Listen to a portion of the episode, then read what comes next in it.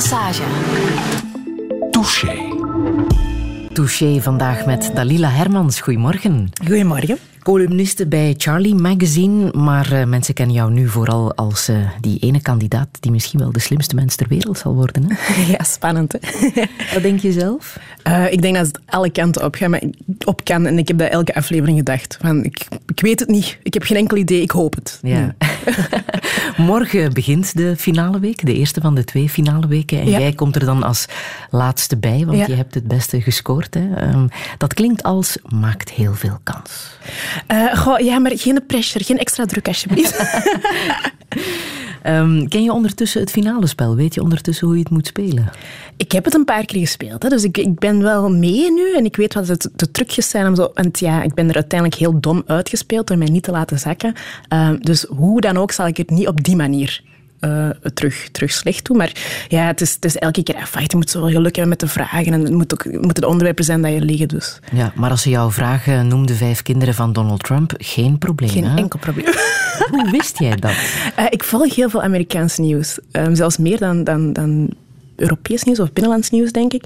Um, dus ja, ik had die allemaal al wel eens horen passeren. En.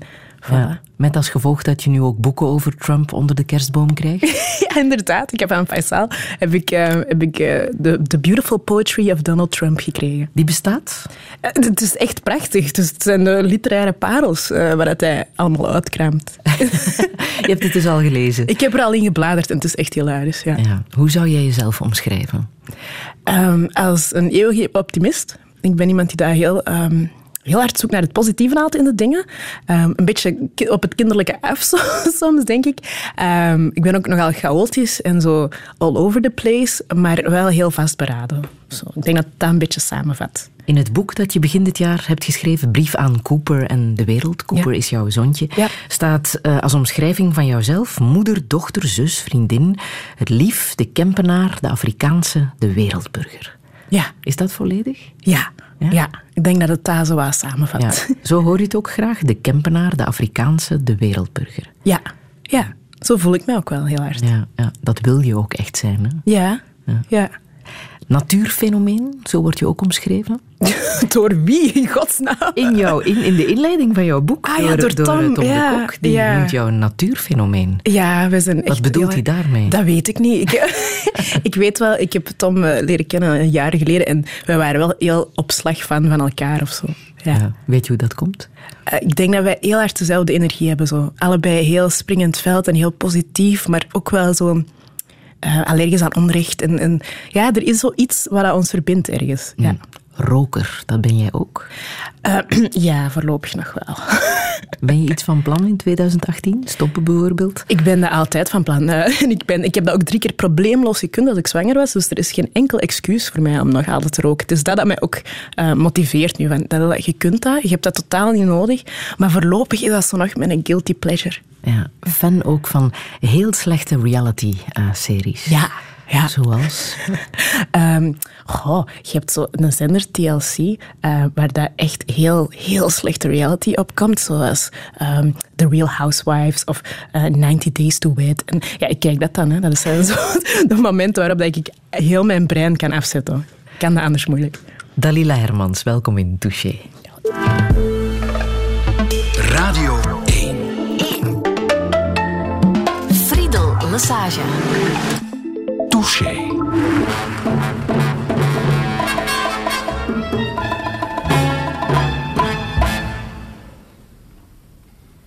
I say, let us put man and a woman together to find out which one is smarter. Some say men, but I say no. The women got the men beat, they should know, and not me. But the people they say that the man has always led woman astray. But I say, please listen when I say she's smarter than the man in every way. That's right, the woman is smarter. That's right, the woman is smarter. That's right, the woman is smarter. That's right, that's right. Ever since the world began Woman was always fooling man, and if you listen to my bit attentively, I going to tell you how she smarter than we, and not me. But the people they say that the man has always led woman astray. But I say, and please listen when I say she's smarter than the man in every way. In the Garden of Eden, Adam built a home. When he settled down, Eve started to roam. Many a night he spent in pain. Whatever Eve was able, she was raising Cain, and not me. But the people they say that the man has always led a woman astray. But I say, and please listen when I say she's smarter than the man in every way. That's right, the woman is smarter. That's right, the woman is. That's right, the woman is. That's right, that's right. You meet a girl at a pretty dance, thinking that you would stand a chance. Take her home thinking she's alone. Open the door, you find her husband home, and not me. But the people they say that the man has always led a woman astray. But I say, uh, please listen when I say smarter than the man in every way. I was treating a girl independently. She was making baby for me when the baby born and I went to see. the eyes was blue. It was not by me, not me. But the people they say that the man has always led a woman astray. But I say, and please listen when I say she's smarter than the man in every way. That's right, the woman is smarter. That's right, the woman is smarter. That's right, the woman is smarter. That's it right, that's right. Garden of Eden was very nice. Adam never work in paradise. Eve meets snake, paradise gone. She make Adam work from that day on, and not me. But the people they say that the man has always led a woman astray. But I say, and please listen when I say she's smarter than the man in every way. Methuselah spent all his life in tears. Did without woman for 900 years. One day he decided to have some fun. The poor man never lived to see 901, and not me. But the people they say that the man has always led woman astray. But I say, please listen when I say, smarter than the man in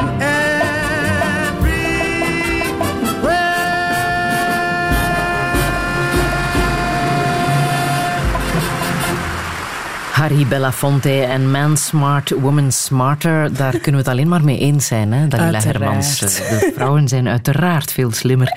En dat zal ook blijken als jij straks de slimste mens wint. Dat we daar gewoon van uitgaan. Um, het was een drukke week. Het is sowieso, het zijn drukke weken voor jou, hè, als moeder van drie kleine kinderen. Ja, ja, ja. En zeker als de Sint dan voorbij komt. Hoe is het gegaan dit jaar? Het was leuk. Um, ja, het was echt fijn. Mijn, uh, mijn man is ook jarig op, uh, op Sinterklaas, dus dat is zo een beetje dubbelfeest. Um, de kindjes zijn braaf geweest, dus hij is langs geweest bij ons. Um, en mijn zoon die had dan nog een feestje bij vriendjes thuis. En ja, het was plezant. Ja, maar je hebt er wel over getwijfeld, hè, of hij zou langskomen.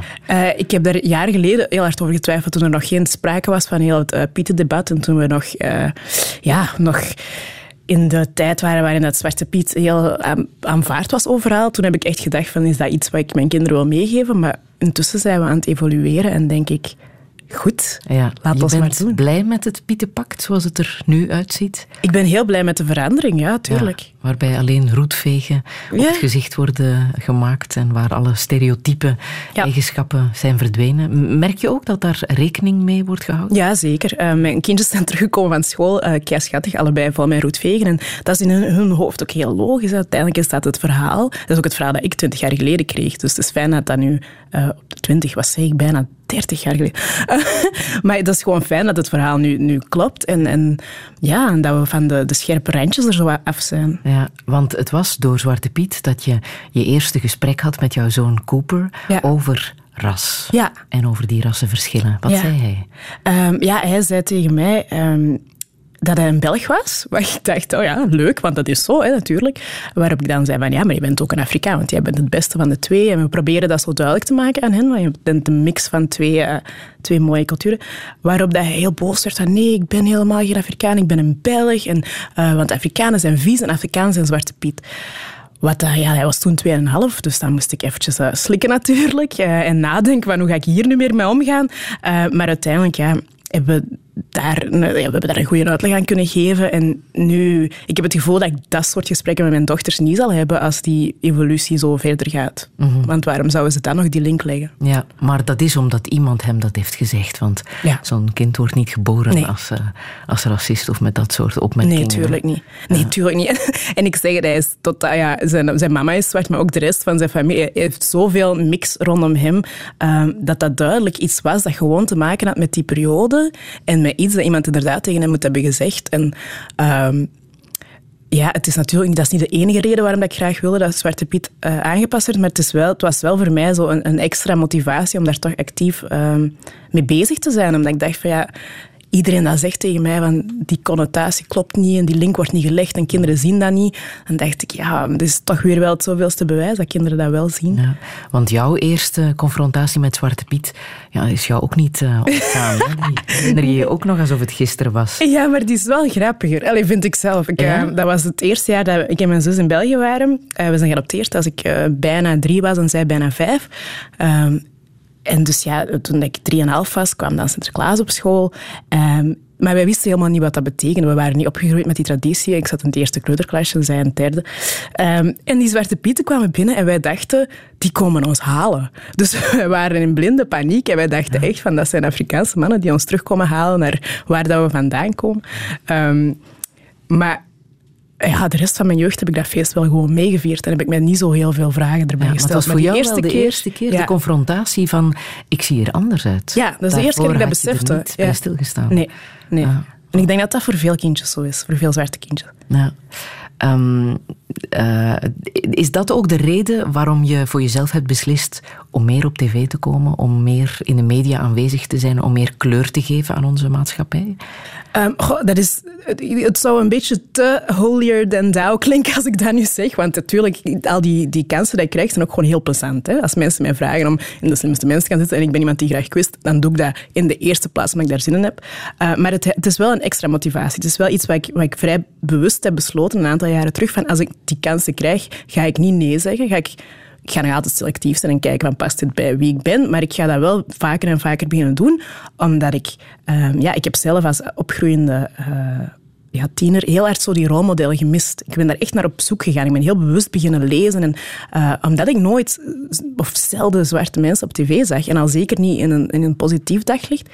Dus ik heb nu wel zoiets van, ja, als ik de kans heb om dat te doen waarom zou ik het dan niet doen? Want ik ben intussen wel al, al heel veel jaren aan het wachten op verandering. Dus we kunnen blijven wachten of we kunnen het een beetje zelf doen. En welke reacties heb je ondertussen al gekregen? Bijvoorbeeld op jouw deelname aan De Slimste Mens? Um, op ontzettend veel leuke reacties nu. Ik, ik krijg heel veel uh, bemoedigende berichten. Mensen die dat sturen van ah, ik vind het echt tof en, en ik ben het goed bezig. Ook heel veel berichten van uh, zwarte jongeren. Dat ze zo blij zijn dat, dat ze mij op tv zien. Dus ergens bevestigt dat zo mijn, uh, mijn motivatie. Um, ja, dus ik heb in het verleden heel veel negatieve reacties gehad. En dit is zo de eerste keer door de slimste mensen, denk ik, dat de reacties echt overwegend positief zijn. En hoe komt dat, denk je, dat het nu aan de positieve kant uh, overhelt? Eh, ja, dat is een, ten eerste een heel onschuldig programma. Je zit, daar, je zit daar als jezelf. Je kan je amuseren. Het is gewoon een amusementsprogramma. Je moet daar geen zware levensvragen beantwoorden. Dat zal wel schelen. En ook, ik denk dat veel mensen gewoon een fout beeld hadden van mij omdat ja, als je uh, dingen aanklaagt, wat ik wel heb gedaan de afgelopen jaren, hè, als, ik, als ik racisme zag of dingen zag die dat mij stoorden, heb ik dat laten aangeklaagd. Dan, ja, na een tijd zien mensen u als iemand die altijd boos is of altijd klaagt of altijd uh, gefrustreerd is. En ik ben dat helemaal niet en ik wist dat zelf al heel lang. Maar dankzij de slimste mens zien mensen dat nu ook. Van, ah ja, die valt wel wel mee en die kan wel lachen of zo. Ehm, maar haatmail heb je ook al gekregen, hè? Ik heb ontzettend veel haatmail gekregen. ja. Vroeger dan? Uh, ja, en nu nog hoor. Dat blijft. Dat is een beetje een constante. Maar um, er zijn een aantal pieken geweest natuurlijk. Um, ja, dat is iets waar ik echt uh, ben gewend moeten geraken. Ja. Flauwe moppen hebben ze nog niet gemaakt, hè, in De Slimste Mens. er worden wel eens flauwe moppen gemaakt over in De Slimste Mens. Uh, over mij... Eigenlijk, ik verschoot er zelf van hoe weinig moppen er zijn. Een beetje over mijn haar in het begin, maar die vond ik dan zelf heel grappig. Maar voor de rest valt dat goed mee eigenlijk. Ja, en bestaan ze, de flauwe moppen? over mij. Ik, ja, ik moet eens met mijn man. Ja, er zou heel de dag door flauwe moppen over mij kunnen maken. Er staat een flauwe moppenpot. Hè. Je weet waar ik, ik naartoe uh, Ja, ik weet het. Maar ja. ik, oh. ik, ik, wil die toch een beetje bijvullen hoor, de volgende twee uur. Ja, ik heb, ik heb zo nog wel eentje. Eén heel, heel flauwe. Um, en die komt ook van mijn man, want hij is zo de koning van de flauwe mop. Um, Oké. Okay. Uh, waarom ging Wally naar de therapeut? Ik moet nu al lachen. Ik weet het niet. Om zichzelf te vinden.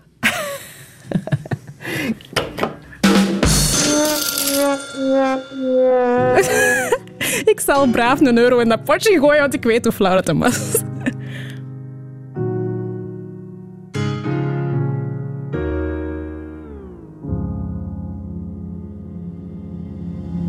Dites-moi d'où il vient, enfin je saurai où je vais. Maman dit que lorsqu'on cherche bien, on finit toujours par trouver. Elle dit qu'il n'est jamais très loin, qu'il part très souvent travailler. Maman dit travailler c'est bien, bien mieux qu'être mal accompagné. Pas vrai, où est ton papa?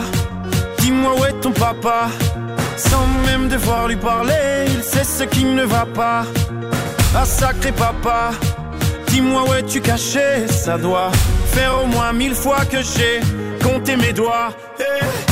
Où t'es, papa,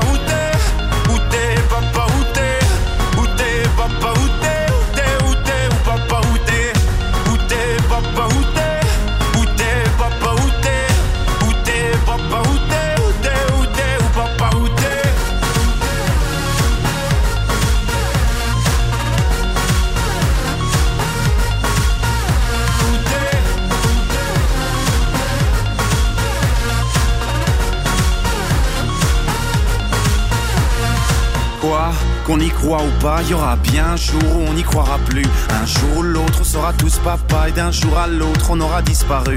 Serons-nous détestables?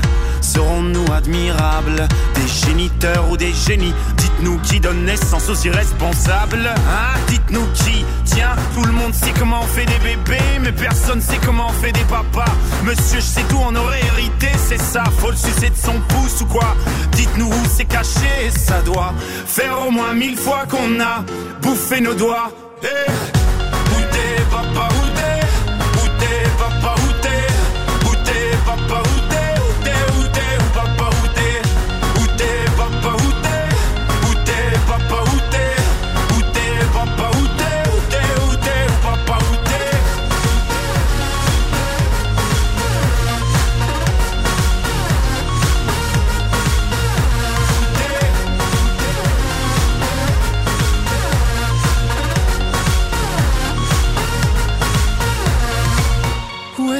papa Dis-moi où est ton papa Sans même devoir lui parler, il sait ce qui ne va pas.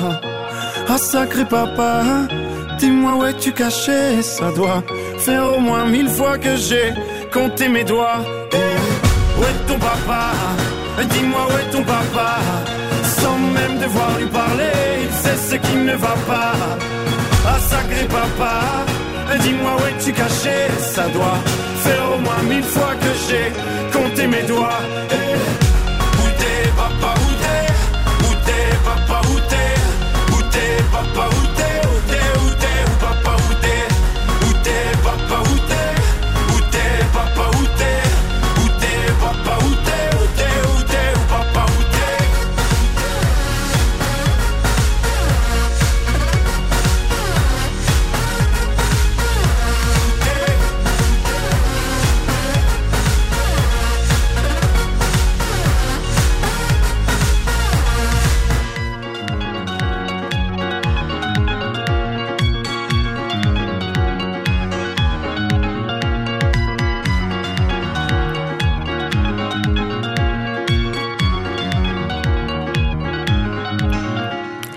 Papa Houtet van uh, Stromae, Dalila Hermans. Uh, Stromae is uh, ver familie.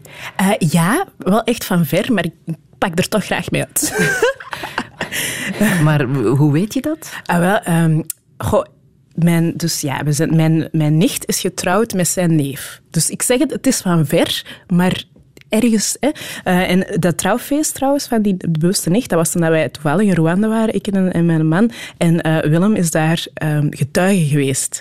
Dus dat was oké. En eigenlijk ging hij toen komen ook, uh, Stromae, maar is er niet geraakt. Heel jammer. Um, maar we hebben nu altijd, als, als wij die foto's dan nog eens herbekijken van de trouwfeest, dan kunnen we altijd zeggen van dit was Willem als getuige op het trouwfeest van de, ne van de neef van Stromae. Voilà. en heb je ook de Rwandese uh, nationaliteit? Nee, maar ik ben eigenlijk wel al niet altijd van plan om die aan te vragen, om zo de dubbele nationaliteit aan te vragen. Ja, waarom? Um, om puur egoïstische redenen. Uh, omdat in, in Rwanda heb je een aantal dingen. Bijvoorbeeld het bezoeken van de gorilla's is veel goedkoper als je de Rwandese nationaliteit hebt. En dat scheelt echt honderden euro's. Um, en dan denk ik, ja, ik ben daar geboren. Ik, ben, uh, ik heb twee Rwandese ouders. Waarom zou ik daar geen, geen recht op hebben? Mm -hmm. ja. Papa Houtet, dat gaat over de vader van uh, Stromae. Ja. Die is omgekomen tijdens de genocide. Wat ja. weet jij over, over jouw vader? Over mijn biologische vader? Ja. Um, uh, niet zo heel veel, veel minder dan ik zou willen. Maar um, dus hij was een, een, soldaat in het leger van Kagame, dus hij heeft mee um, Rwanda bevrijd uh, na de genocide. en hij is in 1999 gestorven. Um, we, hebben heel lang, we hebben dat heel lang ook niet geweten. Dus dat is iets waar ik pas jaren later ben achtergekomen. En um, de doodsoorzaak is ook heel vaag.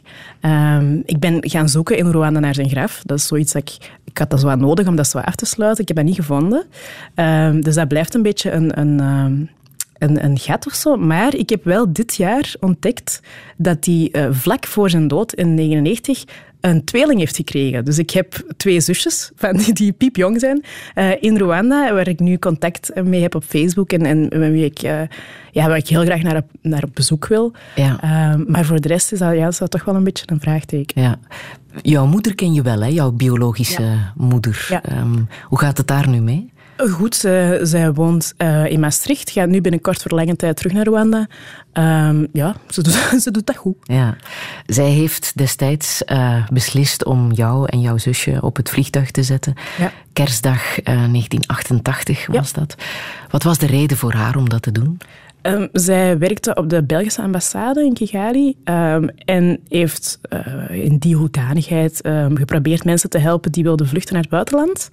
Um, en ja, 88, dat is, zo, dat is natuurlijk nog ver voor 94, maar er was, was toen al wel een, een soort van klimaat dat gecreëerd werd, waarin dat je kon voelen er is hier iets op til. Er zijn al een aantal uh, massamoorden geweest in de jaren 60 en 70. En zo eind jaren 80 begon zo die retoriek op de radio. En, en, en ja, dat begon zo wat terug op te flakkeren. Zij had het gevoel van, ik, ik ben hier ja, we zitten hier aan de vooravond van iets serieus. Dus ze heeft dan zo geprobeerd mensen naar het buitenland uh, te krijgen via haar contacten bij de ambassade, wat dat dan ook gelukt is. Maar de autoriteiten zijn erachter gekomen, hebben haar, um, ja, hebben haar ondervraagd. En uh, dan heeft ze direct beslist, beslist van ja, die kinderen moeten hier weg, want dat gaat hier wel eens verkeerd aflopen als ik, uh, als ik hier blijf. Dus ze heeft geprobeerd van eerst ons zo snel mogelijk uit land te krijgen, wat dan gelukt is. Uh, en achteraf is ze zelf uh, naar Europa kunnen vluchten. Ja, en hoe heeft ze jullie dan het land uitgekregen? Hoe is dat gegaan? Um, er was een broeder, broeder René van de, van de Broeders van Liefde, die dat um, in, in Rwanda zelf, dus als een Belg, die in Rwanda zelf eigenlijk rondging op zoek naar uh, ja, weeskinderen of, of heel arme kinderen, uh, om die dan via een adoptiebureau uh, hier in België te krijgen. Want hier was een heel grote vraag naar adoptiekinderen en ja, hij ging die daar eigenlijk een beetje ronselen. Um, en om dat te doen moest hij heel vaak langs de ambassade voor die, al die paspoorten en zo te regelen. Dus mijn moeder kende hem, wist wat hij deed. Uh, en heeft hem dan zelf opgezocht om te vragen van kijk, wat kunnen doen voor mij? De mm -hmm. kinderen moeten hier weg. Maar zij zelf kon niet mee, kon niet met jullie mee? Uh, nee, dat was op die moment financieel ten eerste niet, niet haalbaar. En ook, ja, um, het, allee, de, de moment dat ze beslist heeft van eerst de kinderen zo snel mogelijk weg en dan ga ik zelf wel zien of dat ik er achteraan geraak. Um, die beslissing en het, het, moment dat René heeft gezegd, oké, okay, ik pak ze mee, dat is heel, heel snel gegaan. Dat is echt een kwestie van weken. Um, dus ze had ook zelf nooit haar leven zo snel haar bootje kunnen bij, bijeenpakken en het voldoende geld verzamelen en een plan hebben om hier in Europa... Allee, ja, mm -hmm. dat, was, uh, Ja. ja, dat ging allemaal een beetje sneller dan...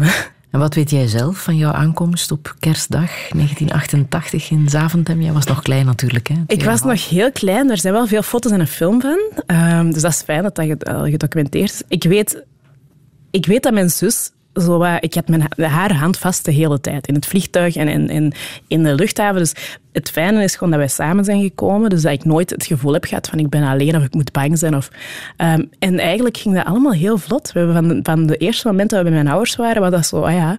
En er is zelfs een heel melig, maar mooi verhaal. Dus mijn papa ja, mijn ouders die hadden geen foto van ons. Alle andere wensouders bijna wel, maar omdat dat bij hen zo snel was gegaan, uh, hadden ze geen foto van ons. Wisten alleen maar dat het twee meisjes waren van eh, 2,5 en 4,5. En dus wij lopen in een stoet uh, door Zaventem. Hè, allemaal hetzelfde, hetzelfde outfitje aan, al die adoptiekindjes.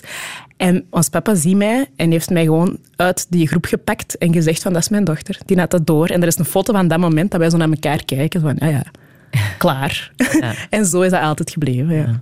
Jouw biologische moeder heeft inderdaad, ik dacht een, een jaar later, um, ja, geprobeerd om contact te hebben en, en met de bedoeling jullie uh, mee te nemen. Hè? Ja, ja. zij, ja ze, er is daar echt verteld geweest dat. Uh, dat zij, als ze in de mogelijkheid was, uh, gewoon ons terug kon komen halen. Ze heeft nooit bewust ons afgestaan voor altijd. Dat was voor haar echt een, gewoon een tijdelijke noodoplossing. Mm -hmm. En uh, et voilà. Um, maar hoe was dat dan voor haar om te merken dat dat misschien toch niet zo eenvoudig was? Ik denk dat dat heel moeilijk is geweest. Um, ja, ik ben, er, ben ervan overtuigd dat het heel moeilijk is geweest. Maar op een of andere manier hebben mijn, mijn drie ouders altijd alles gedaan wat het, zij voelden dat het beste zou zijn voor ons. Dus ze hebben altijd hun eigen uh, gevoelens aan de kant geschoven, hun eigen verlangens of zo uh, ondergeschikt beschouwd en altijd gedacht van oké, die kinderen moeten gelukkig zijn, wat is het belangrijkste voor hen? Uh, mijn moeder heeft dat gedaan door eerst ons af te staan, daarna, als ze een jaar later in Europa was, te beseffen van oké, die kinderen zitten keigoed bij die ouders, die zijn heel gelukkig, die hebben van alles wat ik hen nooit kan bieden, dus ik ga daar niet in de weg staan.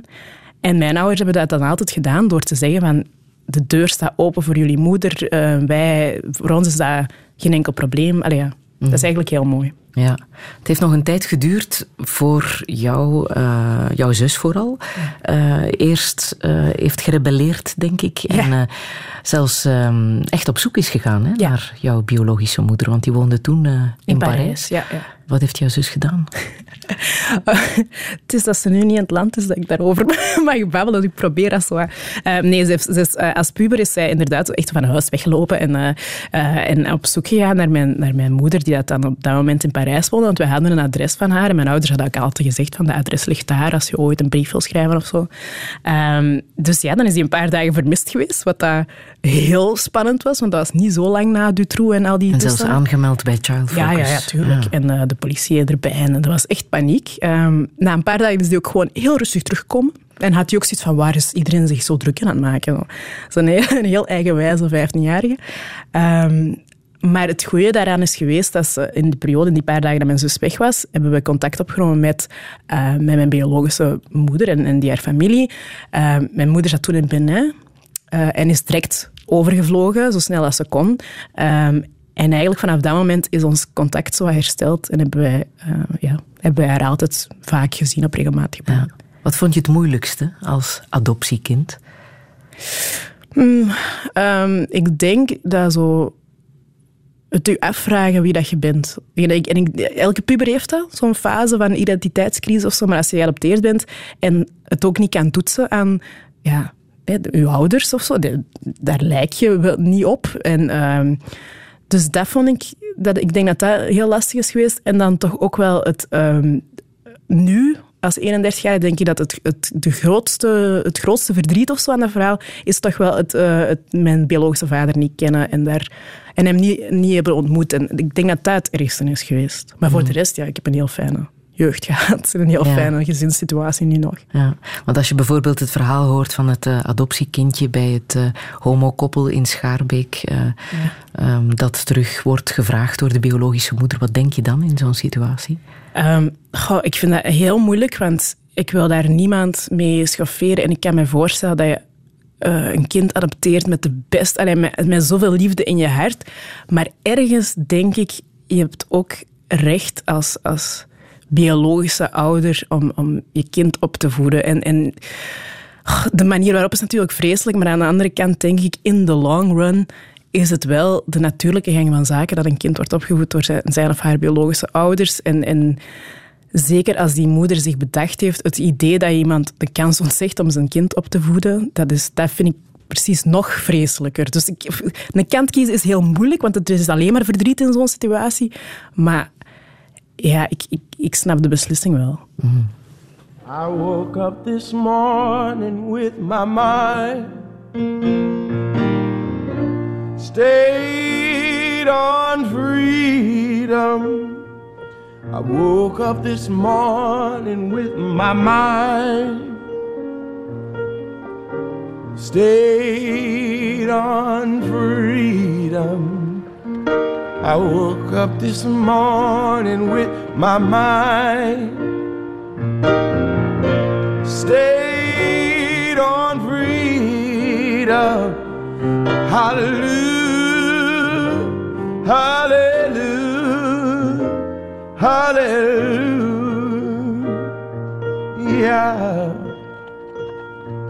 I'm walking and talking with my mind.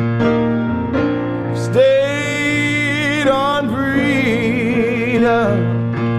I'm walking and talking with my mind. Stayed on freedom. I'm walking and talking with my mind. Stayed on freedom. Hallelujah.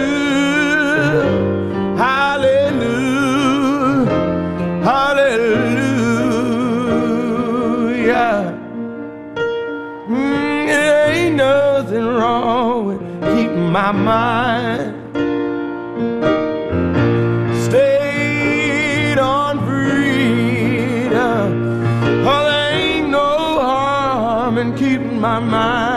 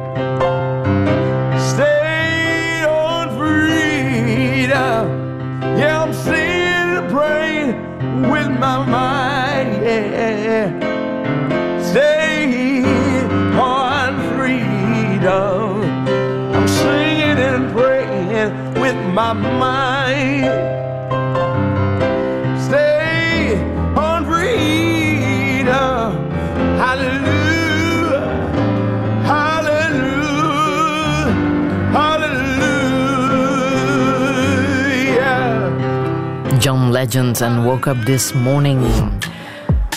Hou door sneeuwval rekening met vertragingen op alle snelwegen en lokale wegen. Wees dus voorzichtig en pas rijstijl aan. Op de binnenring rond Brussel is er hinder door een glad wegdek in de Groenendaaltunnel. De tunnel is dicht en er staat vanaf Hoeilaart een file. De politie vraagt om de omgeving te vermijden.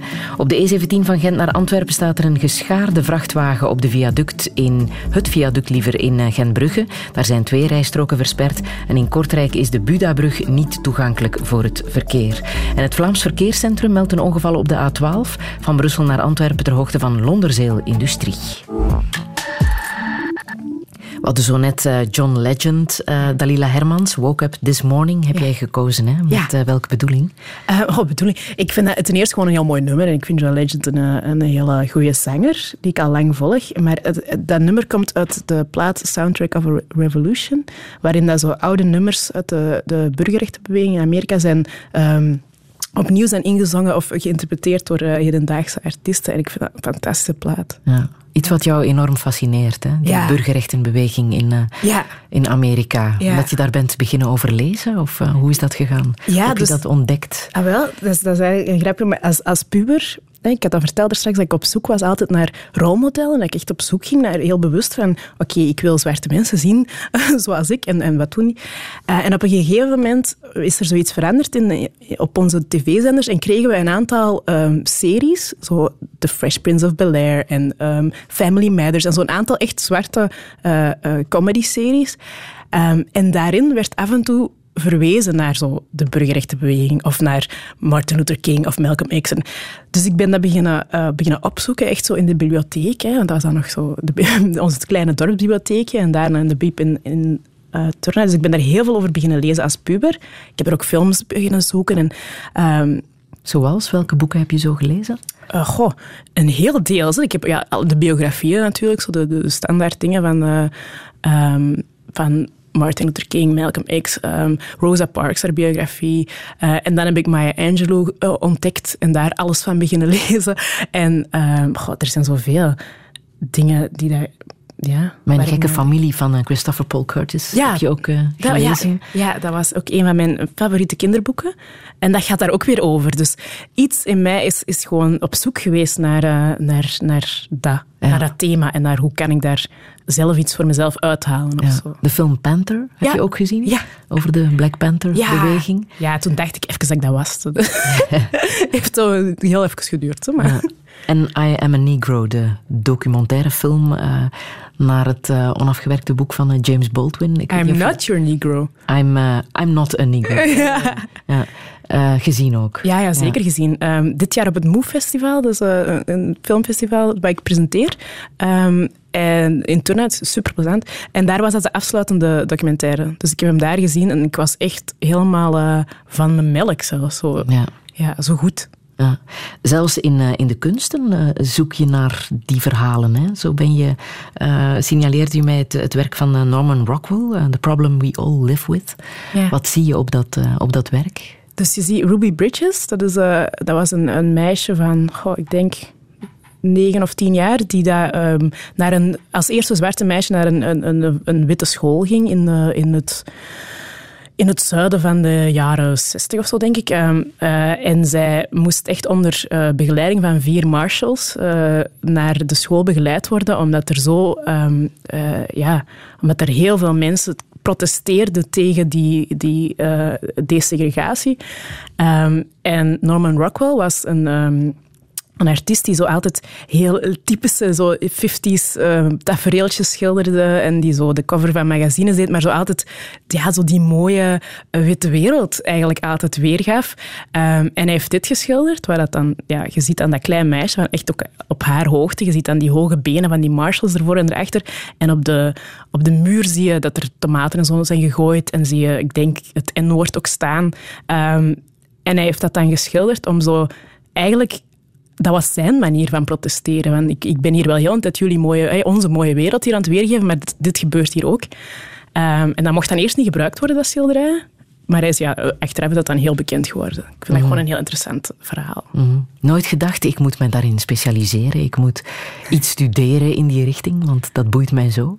Nee, nee, eigenlijk niet. Maar onbewust ben ik er toch weer wel in beland of zo. Dus, dus ja, dat heeft mij wel voor een stuk meegevormd. Ja, want je hebt vier jaar gestudeerd, hè? ik heb ik heb op papier vier jaar gestudeerd. En wat heb je gestudeerd?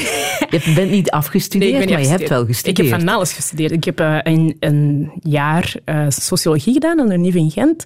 Uh, maar eigenlijk al halverwege dat jaar handdoeken erin gegooid. Dan heb ik een half jaar grafische vormgeving aan de academie in Antwerpen gedaan.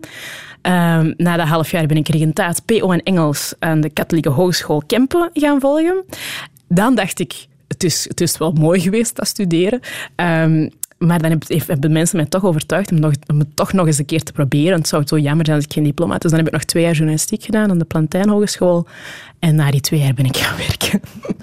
Spijt van dat je niet hebt doorgezet? Dat je het niet hebt afgewerkt? Nee. Ik heb, uh, er zijn momenten geweest waarin het frustrerend was. Omdat ik bijvoorbeeld uh, jobs deed waardoor ik door ervaring bepaalde dingen zeker zou hebben gekund. Ik heb ehm, bijvoorbeeld meegewerkt aan de opleiding voor jeugdconsulenten. Dus ik, ik sta ook heel vaak in juries om jeugdconsulenten mee aan te nemen. Maar ik mag zelf die job nooit uitvoeren. Want voor, voor, zo'n, voor een ambtenarenjob moet je een diploma hebben. Dus met momenten ja, heb ik wel gedacht, het is te belachelijk dat ik het niet heb afgemaakt.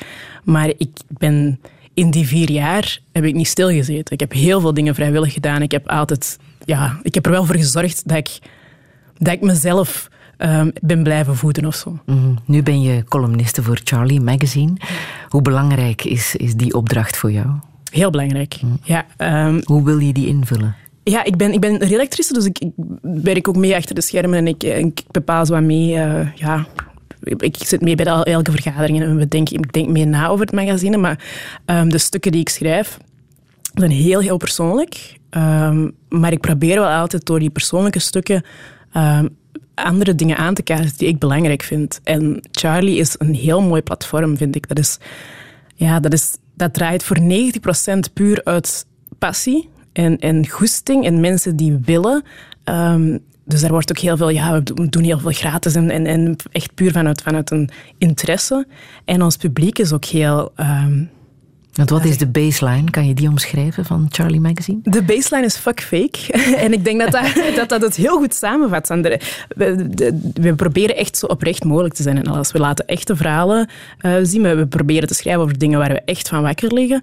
Um, en wij, wij, zorgen dat er nooit iets gefotoshopt is, dat, er, dat het allemaal zo echt mogelijk is. Dat er ook um, een representatie van hoe dat de echte samenleving eruit ziet uh, terug te vinden is uh, in onze redactie, maar ook in onze beelden en in onze, ja, in onze boeken. Zie jij jezelf als activiste?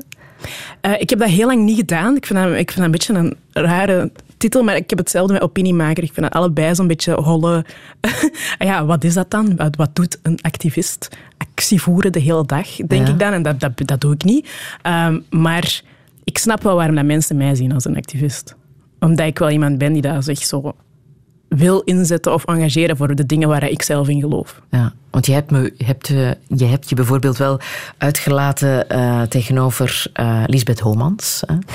Um, zou je daarmee een gesprek aangaan? Heb je dat al gedaan trouwens? Ik heb dat nog niet gedaan, maar ik ga met iedereen een gesprek aan. Echt, uh, zelfs met mensen die mij haatmail sturen, ga ik vaak een gesprek aan. Dus zeker, het is geen enkel probleem. Uh, het is er nog niet van gekomen. Ja. Maar, uh, en ik heb mij niet uitgelaten tegen haar. Hè. Ik heb mij, mij uitgelaten over haar uitspraak um, destijds, de racisme-relatief. Ik vond dat een heel kwalijke uitspraak, die daar de deur openzette voor heel veel andere kwalijke dingen. Mm -hmm. dus heb ik, ja, als ik, uh, if I see something, I say something.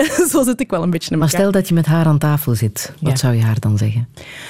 Ik zou haar vooral vragen stellen, denk ik. Ik zou vooral willen weten van haar van, oei, uh, hoe komt het dat je, dat je zo'n uitspraken doet en, en besef je wat daar de gevolgen van zijn en hoe dat, dat overkomt en, en, en heb je gewoon zelf een... Uh, ik, wil gewoon, ik ben altijd gewoon benieuwd of dat beleidsmakers die dat uh, die zich, laten, die zich schuldig maken aan zo um, snelle uitspraken, of dat die zich bewust zijn van de impact daarvan en of dat ze begrijpen dat dat kwetst of dat dat um, problematisch kan zijn. Ja. Beat, y'all, and you don't stop. Yes, yes, y'all, and you don't stop. A one, two, y'all, and you don't stop. Uh, yes, yes, y'all, and you don't stop until the beat comes. Says to be the short shot. Come on. I met on. this girl when I was 10 years old. And what I love most, she had so much soul. She was old school when I was just a shorty. Never knew throughout my life she would be there for me on a regular. Not a church girl, she was secular. Not about the money. Those stuff was my checker, but I respected her. She hit me in the heart. A few New York niggas had did her in the park. But she was there for me, and I was there for her. Pull out a chair for her, turn on the air for her, and just cool out. Cool out and listen to her. Sitting on bone, wishing that I could do eventually. If it was meant to be, that it would be cause we related physically and mentally, and she was fun then. I'd be geeked when she come around. Slim was fresh, Joe, when she was underground, original, pure, untapped, but a down sister. Boy, I tell you. I miss her. Uh, yes, yes, y'all, and you don't stop. To the beat, y'all, and you don't stop. Uh, yes, yes, y'all, and you don't stop. Uh, one, two, y'all, and you don't stop. Uh, yes, yes, y'all, and you don't stop. A sense, y'all, and you don't stop. Uh, yes, yes, y'all, and you don't stop. You act, yo, we gotta be the short shot. Now periodically I would see old girl at the club sit at the house party. She didn't have a body, but she started getting thick quick. Did a couple of videos and became Afrocentric. Out goes the weave, in goes the braids, bees medallion. She was on that tip about stopping the violence, about my people. She was teaching me by not preaching to me, but speaking to me in a method that was leisurely, so easily I approach. She dug my rap, that's how we got close. But then she broke to the west coast, and I was cool, cause around the same time I went away to school, and I'm a man dub expanded. So why should I stand in her way? She probably get up money in LA, and she did stud. She got big pub, but what was foul? She said that the pro black was going out of style. She said Afrocentricity was of the past. So she got into R&B, hip house, bass, and jazz. Now black music is black music, and it's all good. I wasn't salty, she was with the boys in the hood, cause I was new for her. She was becoming well rounded. I thought it was dope how she was on that freestyle shit, just having fun. Not worried about anyone, and you could tell by how her titties hung. Uh, yes, yes, y'all, and you don't stop to the beat, y'all, and you don't stop. Uh, yes, yes, y'all, and you don't stop. One, two, y'all, and you don't stop. Uh, yes, yes, y'all, and you don't stop until the beat calm. Gotta be the short shot. Uh, yes, yes, y'all, and you don't stop. Check it on, check it. I might have failed to mention that this chick was creative. Once the man got to her, he altered her native. Told her if she got an image and a gimmick, then she can make money. She did it like a dummy. Now I see her in commercials. She's universal. She used to only swing it with the inner city circle. Now she be in the burbs looking rockin', dressing hippie. And on some dumb shit when she comes to the city talking about pop. Pure hip-hop van uh, Common. I used to love her, Dalila Hermans.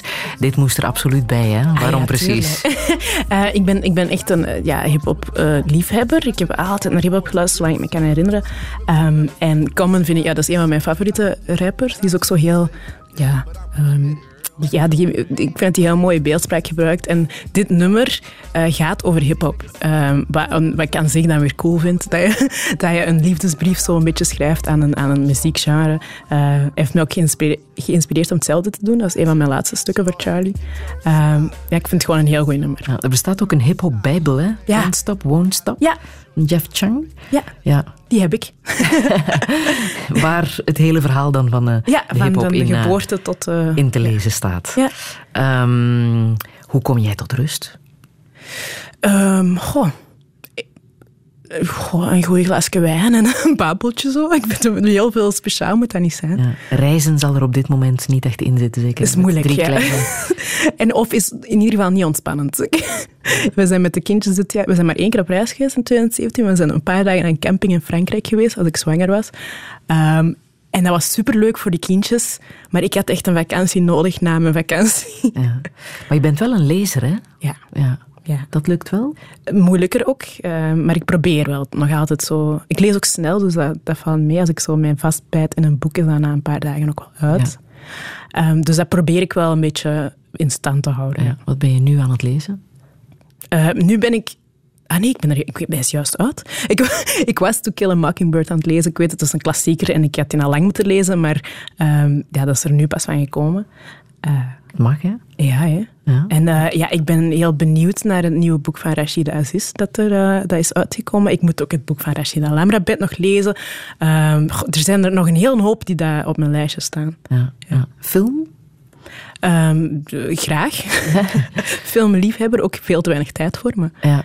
Wat, Probeer. wat zie je graag? Wat volg je graag? Ehm, goh, ik, het is vrij breed, maar ik denk dat ik zo... Het moet wel realistisch zijn. Ja, toch wel. Dus bijvoorbeeld horror, dat is maar heel zelden dat ik dat goed omdat ik heel de tijd zit van, ja, maar dat kan helemaal niet. Of, allee, laat die deur toch gewoon dicht. Of, snap Dan- erger ik mij te hard aan het feit dat dat niet klopt. Ehm, dus. Ja. Je eh, wou muziek, eh, of tenminste, ehm, jouw favoriete film is eh, Malcolm X en ik wil daar de muziek uit laten horen. De film van Spike Lee. Ja.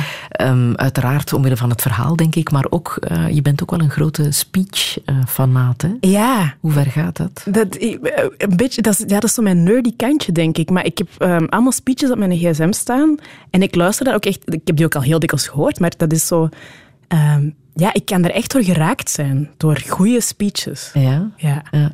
Door de manier van zeggen door woordgebruik dat... Ja, het is een beetje een combinatie van zo, als je een mooie dragende stem hebt en zo met, met, met zwaard en gravitas kunt spreken, maar ook nog eens ehm, dingen op een, op een pakkende manier kunt uitleggen. Ja, dat, dat doet mij iets. Mm, probeer je dat zelf ook in uh, de dingen die je schrijft? Om net die ene zin te formuleren waar iedereen dan mee in zijn hoofd zit? Um, ik ben er niet heel bewust mee bezig, maar ik ben wel taalgevoelig. En ik vind het wel belangrijk dat ik niet alleen maar um, zeg wat ik denk, maar dat ik het ook wel mooi zeg. dat is wel belangrijk, vind ik, als je stukken schrijft, dat je probeert um, die taal te gebruiken, uh, zodat mensen geraakt zijn door wat je schrijft. Ah. Malcolm X, waarom is dat jouw favoriete film? Um, verschillende redenen. Ik vind de acteerprestaties echt fantastisch. Ik snap niet dat daar niet meer uh, Oscars door, uh, voor uitgedeeld zijn. Um, ik vind dat verhaal boeit mij enorm, omdat ik, er is heel veel uh, hoe moet je dat zeggen? Malcolm X is zo'n heel controversieel persoon, hè, want die heeft ook wel dingen gedaan die daar voor die controverse zorgen. Uh, en deze film geeft zo het hele verhaal mee. Zowel de, de negatieve kanten en de, en, en, de periode waarin hij zo, um, het nog niet helemaal vatte, uh, maar ook hoe hij daar, daarin veranderd is. En, ja, ik, die film heeft mij heel veel, uh, hem veel beter doen begrijpen. Um, dan is het ook nog zo een, een dat Spike Lee die film niet gefinancierd, gefinancierd kreeg in het begin en dat het dus echt door, door bekende zwarte geldschieters eigenlijk die film tot stand is gekomen. Dus iedereen voelde de nood ook voor dat verhaal. Um, ja, al die factoren maken dat ik dat zo... Ik vind een heel indrukwekkende film.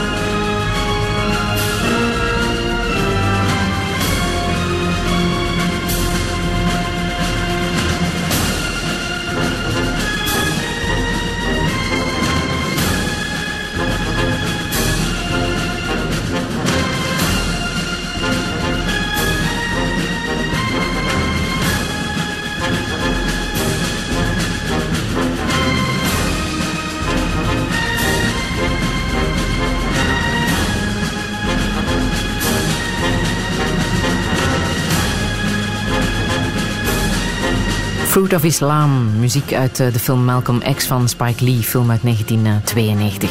Zometeen na het nieuws van 12 uur praat ik verder met Dalila Hermans. Tot zometeen. Radio 1. 1. Friedel Massage. Touché. Touché vandaag met Dalila Hermans, redacteur bij Charlie Magazine en kandidaat om de slimste mens ter wereld te worden. Haar levensverhaal doet ons over veel dingen anders nadenken. Adoptie bijvoorbeeld, over Zwarte Piet, over het woord excuustruus of over het gemak waarbij de blanken zichzelf als de norm zien. Als je iets aan die perceptie in de maatschappij wil doen, moet je jezelf manifesteren. En dat is wat ze aan het doen is. Door een post op de wereld morgen over de zoveelste scheldpartij aan de tramhalte bijvoorbeeld. Een lawine aan reacties maakte dat ze in zowat alle media haar verhaal kon doen en dat racisme nog, nog lang niet is uitgeroeid. Integendeel. Maar hoe moet het verder? Zullen we met verschillende culturen kunnen samenleven? En hoe ziet ze de toekomst van haar drie kinderen? Dit is Touché met Dalila Hermans. Een goede middag. Last night I saw Lester Maddox on a TV show with some smart ass New York Jew.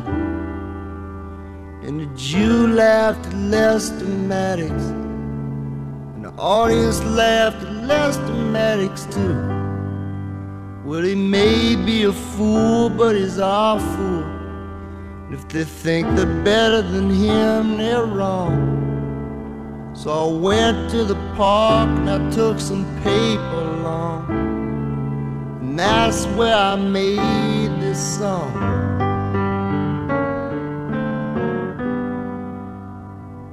We talk real funny down here. We drink too much, we laugh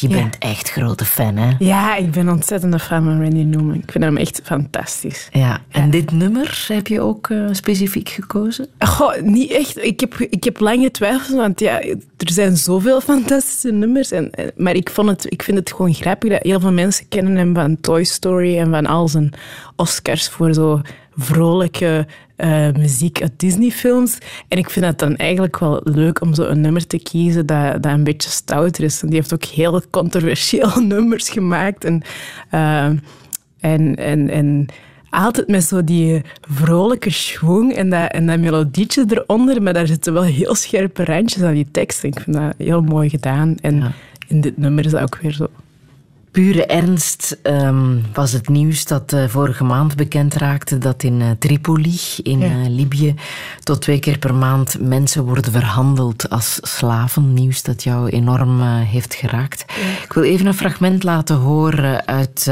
die bewuste reportage van CNN. Ja.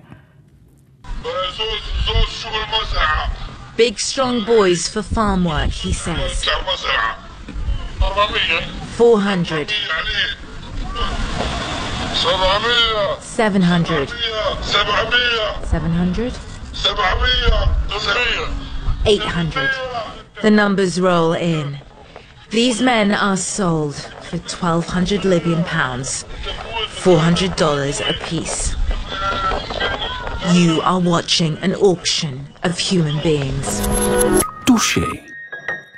Vluchtelingen die tegengehouden zijn en dan worden verkocht als slaven. Um, op welke manier heeft jou dat geraakt?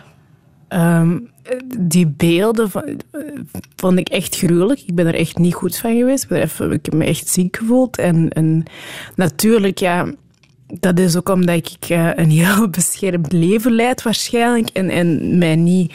Um, niet altijd bewust ben van alle grote wereldproblemen, maar om dat zo uh, in beeld te zien, wat het er gaande is, dat heeft mij heel hard geraakt. Ik vond dat mhm. echt, uh, echt vreselijk, ja. ja. Ze zijn ook tegengehouden door Europa, in principe. Hè? Uh, ja, ik vond sowieso de, de uh, beelden van, van de Middellandse Zee en van, ja, dat is eigenlijk een massagraaf aan het worden, hebben mij sowieso altijd heel hard geraakt. En ik ben er... Um, ik ben er wel veel mee bezig geweest ook, maar om dan nu te zien wat dat de gevolgen van dat beleid zijn en, en dat het niet alleen mensen die tot hier proberen te geraken verdrinken in de zee, dat, dat aan zich is vreselijk genoeg, maar dat er nu ook een slavenhandel blijkt gaande te zijn, ja, dat, is, dat kun je toch op geen enkel manier nog, nog verantwoorden. Begrijp je dat dat op een of andere manier mogelijk is in deze tijd? Nee dat mensen dit doen? Nee.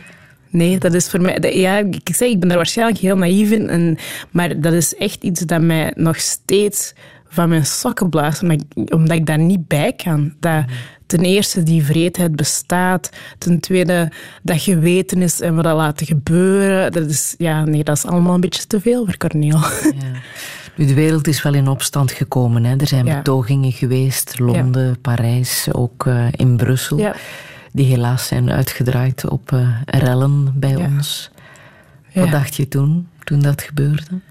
Uh, ik was heel blij met die betoging, want die is zelf eigenlijk uh, heel sereen verlopen. Er waren heel veel mensen. Um, wat dat ook niet altijd simpel is. Ik heb al veel gaan betogen en, en veel mensen op de been krijgen is niet gemakkelijk. Dus het feit dat daar bijna duizend mensen um, vreedzaam hebben betoogd, dat daar... Uh, dat er een heel duidelijke boodschap is gegeven, um, dat er een gevoel van samenhorigheid uh, hing, vond ik juist heel mooi.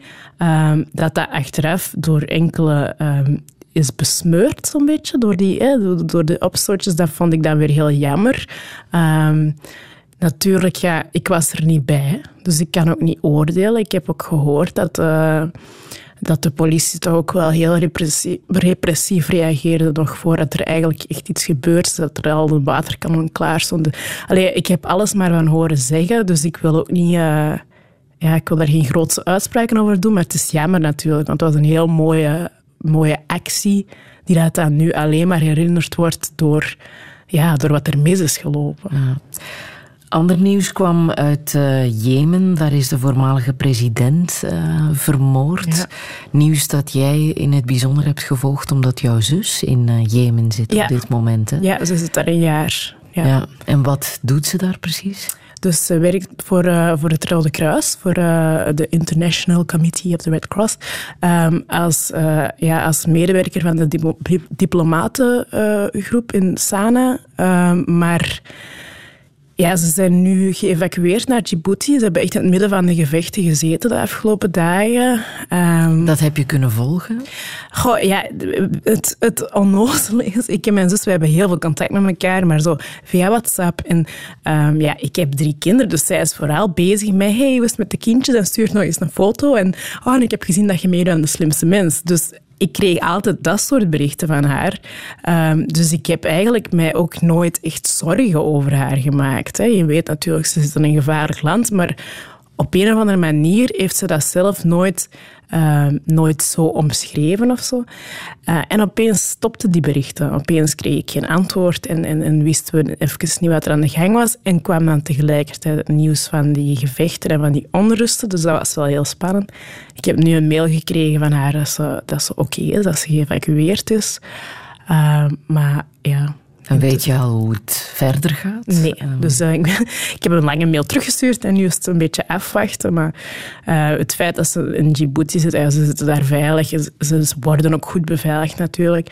Um, maar ja, het blijft, blijft natuurlijk uh, ja, niet fijn. Ik zou liever hebben dat ze gewoon thuis was. Ja. En de situatie in Jemen is echt ja, het is vreselijk. ernstig. Hè? Ja, ja, het is echt vreselijk. Niet alleen is daar een, uh, zijn er heel veel onrusten, is er echt, echt heel veel geweld gewoon al, al lange tijd gaande, maar ook een enorme hongersnood.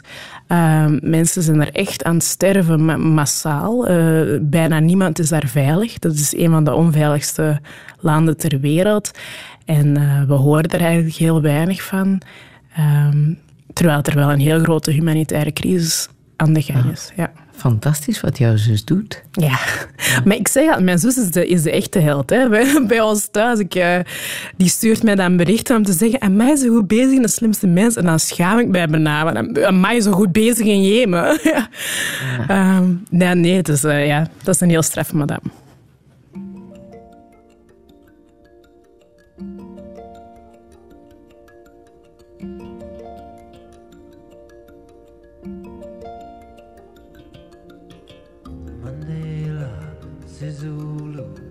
Tuli, Tadu, Stephen Biko, Government Bank, Robert Zabukwe, Baba Tambo, Basopa.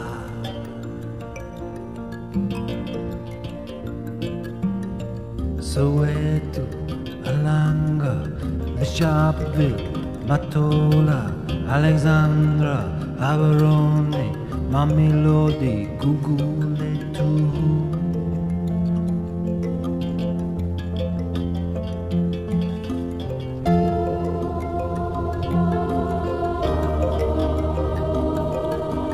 Zoom.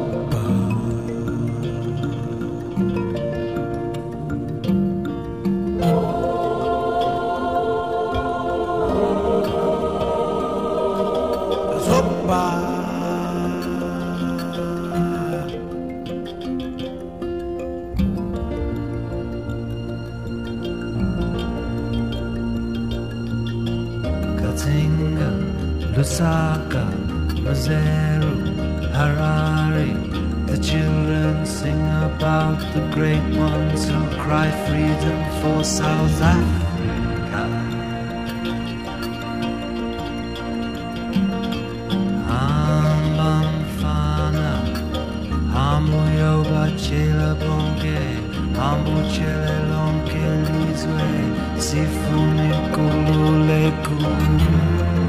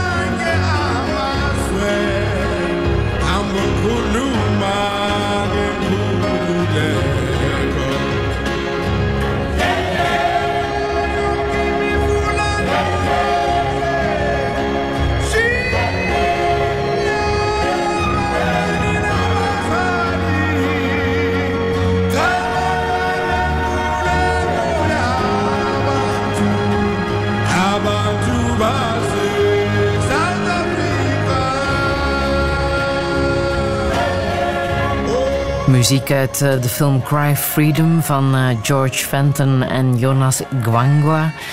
Um, die film heb jij gezien, uiteraard, ja. Dalila Hermans. Ja, ja. ja. Negen jaar geleden? Uh, ik weet het zelfs niet meer wanneer. Dat weet je door jouw appje. Ah, dat je ja. hebt gedemonstreerd. Ja, ja daar heb ik, ik heb daarover gepost een hele tijd terug. Ik heb zo een, een appje dat mij uh, elke dag herinnert aan, aan alle dingen die ik online heb gezet de afgelopen jaar. Um, en dus ja, ik heb over deze film... Uh, de hele tijd terug ook al iets gezegd. Ja, het verhaal van uh, Steve Biko is ja. dat, hè? de Zuid-Afrikaanse leider van de uh, zwarte bewustzijnsbeweging uh, die ja. vermoord werd. Ja. film die jou heeft aangegrepen. Ja, heel mooi, heel mooie film ook gewoon. Heel mooi verhaal en heel, mooi, heel goed gespeeld weer. Hè? ook Denzel. Zag ik toevallig dat dat twee keer Denzel Washington is. Maar... Wat was jouw eerste harde confrontatie met racisme als je jouw leven bekijkt? Mijn eerste harde confrontatie. Um, goh, de eerste keer dat ik mij daar bewust van was.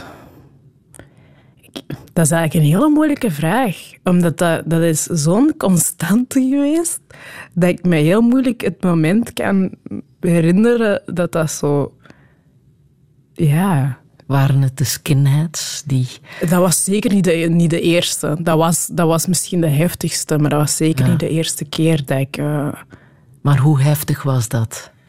Um, goh, ik heb erover geschreven in mijn boek. Een feestje was dat, hè? Uh, ja, um, ik ben... Uh, ik heb soms het gevoel dat ik dat verhaal te veel verteld heb. Maar um, ik ben ooit omsingeld geweest door een groepje skinheads buiten ja, aan de, op de... Ja, iets verder aan de parking van een, van een feestje um, in een dorpje waar ik ben opgegroeid. En uh, die hebben op mij geplast. Wat dat, uh, ja, vrij traumatisch was, denk ik. Uh, um, maar dat was zeker niet de eerste confrontatie. En dat is ook niet iets wat ik op die moment als, als 14-jarige heb ervaren als iets vreselijk. Dat is pas eigenlijk door heel veel jaren later daarop terug te denken en te beseffen dat was niet normaal.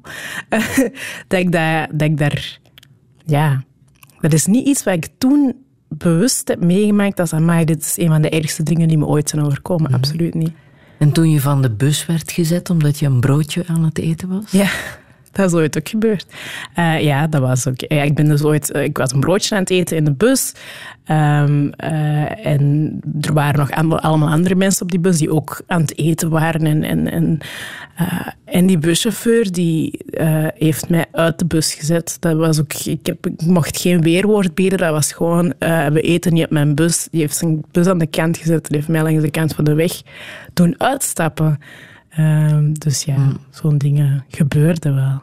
Je rijbewijs heb je ook niet gehaald. Nee, nee, maar daar kan ik intussen eigenlijk geen echt excuus meer voor aanhalen. Ik ben 31 jaar, ik had het intussen al lang moeten hebben.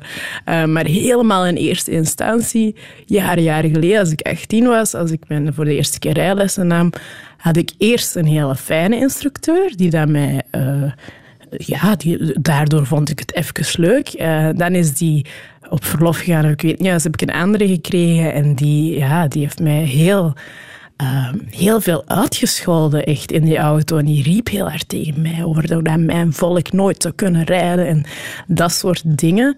Waardoor dat ik zo'n degoe kreeg van, van die rijlessen, dat ik ook echt van het moment dat die rijlessen afgelopen waren, niet meer wilde rijden. Dus ja, het zijn zo kleine dingetjes. Maar ik zeg het, dat kan ik nu niet meer als excuus gebruiken om geen rijbewijs te hebben, natuurlijk. Maar toen je dan werd uitgescholden voor de zoveelste keer aan de tramhalte, je was hoogzwanger toen, denk ja, ik. Ja. Toen was de maat vol. Hè? Ben je echt in de pen gekropen en heb je een stuk geschreven ja. dat uh, iets later ook op uh, De Wereld Morgen is uh, verschenen met, met alle gevolgen van dien. Want ja. er is enorm op, op gereageerd. Ja. Had je dat verwacht? Dat daar Absoluut niet. lawine aan reacties nee, nee, opkomen? totaal niet. Ik heb dat stuk, ik heb dat stuk geschreven een hele tijd voor het werd, werd uh, gepubliceerd. Echt voor mezelf. Ik was gewoon heel boos en ik wilde zo... Ja, ik heb zo mijn frustratie van mij afgeschreven. Ehm, en dan heb ik er heel lang niks mee gedaan. Dat, dat stond gewoon op mijn computer in een, documentje. En het is eigenlijk maar door mijn man... Uh, veel dingen in mijn leven zijn gebeurd door zijn aanmoediging, die daar op de duur zijn van, je, je praat zoveel over, hè, over wat je overkomt. Ik zie, ik zie hoe hard het je allemaal raakt. Misschien moet het eens opschrijven.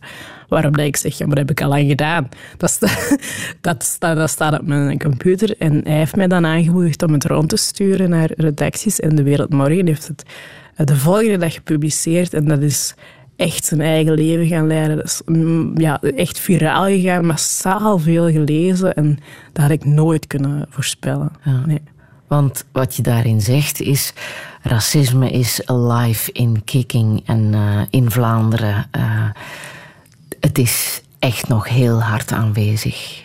Uh, ja, ik denk dat dat gewoon wel keer op keer blijkt. En wat wel, ik denk een van de redenen waarom dat, dat stuk viraal is gegaan en waarom dat mensen dat, mijn stuk dan wel hebben gelezen, terwijl er al heel veel stukken over verschenen, is omdat ik begin met alle positieve dingen aan mijn leven. Ik, ik, ik, ben, ik ben een ontzettende gelukzak. Ik heb ontzettend veel privileges. Ik heb, ik heb een, een fijn leven. Ik had toen ook al een toffe job, leuke man, uh, fijne relatie met mijn ouders. Alles wat er maar kan goed gaan, gaat goed met mij. Uh, maar dat is wel een constante. En dat is wel iets wat altijd een beetje als een dat mij, mij zo achtervolgt. En ik denk dat dat bij heel veel mensen herkenbaar was. Van inderdaad, je, je hoeft niet... Ehm, je, je, kan nog zo geïntegreerd zijn of nog zo in de pas lopen of nog zo'n fijn leven hebben waar daar niks eigenlijk wezenlijk mis lijkt te gaan, maar toch heel vaak geconfronteerd worden met, met, met racisme. En ja... Dat is ook de reden waarom je je boek hebt geschreven. Hè? Een brief aan Cooper, aan jouw zoontje uh, en aan de wereld. Ja. Om hem te behoeden, om hem voor te bereiden op, op uh, mogelijke reacties op wat er op dit moment nog altijd speelt in deze wereld. Ja, en om hem ook uh, uit te leggen wie, wie ik ben. En, en, en, en um, ik, ik ben dat boek beginnen schrijven met het idee. Hè, ik ben nu een, een aantal jaren uh, kom ik af en toe in de media als het over dit thema gaat. Hè, en um, ik, krijg dan heel veel reacties, heel veel haatreacties, maar de 90% van die, van die negatieve reacties komen voort uit een soort onwetendheid. Omdat mensen mij niet kennen en niet begrijpen waarom ik bepaalde dingen uh, vind of denk. Uh, dus ik dacht, ik moet dat eens opschrijven. Mijn levensverhaal eens opschrijven, zodat mensen beter geïnformeerd aan die debatten kunnen beginnen. Ehm, maar dat bleek heel moeilijk te zijn om te doen zomaar. dus ik begon te schrijven en ik had de neiging om mijn persoonlijke ervaringen uit de weg te gaan en om ehm, dingen te verbloemen of om heel snel naar, ehm, naar onderzoek en zo te grijpen. Dat is, dat is veel gemakkelijker dan uw eigen rauwe pijn opschrijven. Ehm, dus dan kwam het idee van ik moet dat schrijven als een brief aan Cooper. Want het is eigenlijk voor hem en mijn, andere kinderen natuurlijk, dat ik alles doe wat ik aan het doen ben. Ehm, en tegen hem kan ik niet liegen en kan ik ook niks uit de weg gaan. Dus tegen uw kind ben je eerlijk. Um, dus het is eigenlijk zo gegaan en ja, dat boek is het resultaat geworden. Een van de hoofdstukken heet um, Zijn racisten domme mensen? Dat is waar je naar verwijst, hè? Uh, ja, omdat het, ja, het, boek is opgebouwd uit tien hoofdstukken die telkens um, de titel kregen. Zo een, een, typisch antwoord dat ik heel vaak krijg. Of een typisch uh, cliché dat ik vaak hoor. Uh, en één daarvan is, ach, het zijn domme mensen, racisten. dat, is, dat is heel gemakkelijk om te zeggen. Het is heel gemakkelijk om, om iemand die daar heel blatant of heel uh, in-your-face racistisch. Dat is heel gemakkelijk om dat terecht te wijzen. Merk dan ook een paar dagen terug, die foto van het Vlaams Belang, die dat daar een, uh, een gezinnetje uh, met een moslima die daar bij Sinterklaas zitten, daar dan een heel racistische post rond maken, dan is iedereen heel verontwaardigd. Want dat is gemakkelijk. Dat is, dat is een domme post. Dat zijn mensen die daar niet ons gedachtegoed aanhangen. Maar ik wilde daar toch dieper op ingaan om zo het sluimerende, het, uh, het, het onbedoeld racisme, het racisme dat dat uit progressieve hoek komt bijvoorbeeld, om daar ook wel over te praten. Mhm. Ehm, eh, het was trouwens ook iemand die uh, uit de jeugdwerking kwam, denk ik, die tegen jou zei: Je bent een excuustruus. Ja. Ja, dat is ooit.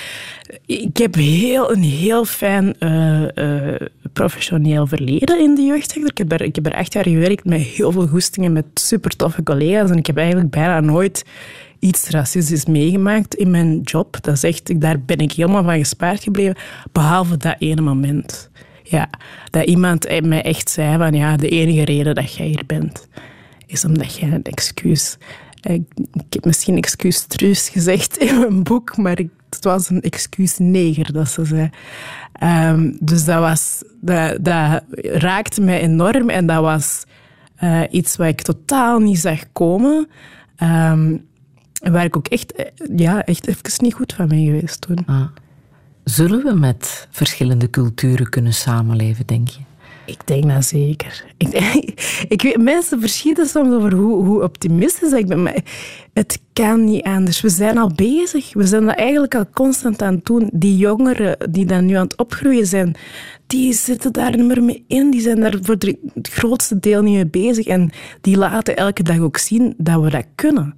Um, als je naar mijn vriendenkring kijkt, of naar mijn familie zelfs, dat is een lappendeken van mensen over, van over heel de wereld. Dus ik denk zeker dat dat kan. We gaan alleen rekening moeten houden met elkaar. Dat is het. Hoe minder nadruk op de verschillen, hoe beter? Nee, ik denk dat je verschillen mag benoemen. Maar wat er vaak gebeurt, is dat enkel de verschillen worden benoemd. Terwijl er uiteindelijk is, heb ik veel meer gemeen met iemand die ook een mama is, bijvoorbeeld, of met iemand die uh, ook 31 is, dan onze gelijkenissen zijn veel sterker. We gaan over superveel dingen kunnen babbelen, maar misschien zijn we het niet met elkaar eens over pff, Zwarte Piet of over een of andere. Maar dat, dat definieert ons toch niet? Ja. De actie MeToo is een van de meest bijzondere acties van het afgelopen jaar. Ja. Maar toch bleek daar ook een verhaal waar jij van geschrokken bent. Hè? Uh, in Time Magazine bleek uh, dat een van de vrouwen die de actie op poten heeft gezet, uh, Tarana Burke, yeah. van de cover is verwijderd. Um, ja, dus is, rechtgezet. Hè? Um, dus zij, was, zij is degene die dat eigenlijk, uh, hashtag MeToo, is begonnen jaren geleden. Um, dus als, eigenlijk als eerste die actie heeft, uh, heeft gestart. Um, uh, en nu, vorig jaar was het Alice, Milano, denk ik, die dat, die dat, dat terug nieuw leven heeft ingeblazen. Um, en, en ja, natuurlijk heeft zij een veel groter bereik. En, en, um, dus zij werd geëerd als een van de, ja, de whistleblowers zijn zo'n beetje geëerd door Time Magazine. Uh, maar ze waren die vrouw die dat eigenlijk daar ooit zelf mee gestart was, vergeten. Uh, intussen hebben ze haar terug, uh, ja, zo online en zo, ze hebben het proberen goed maken. Hè? Maar, uh, maar ik had wel zoiets van, ja, eer wie eer toekomt. Ehm, ja. ja.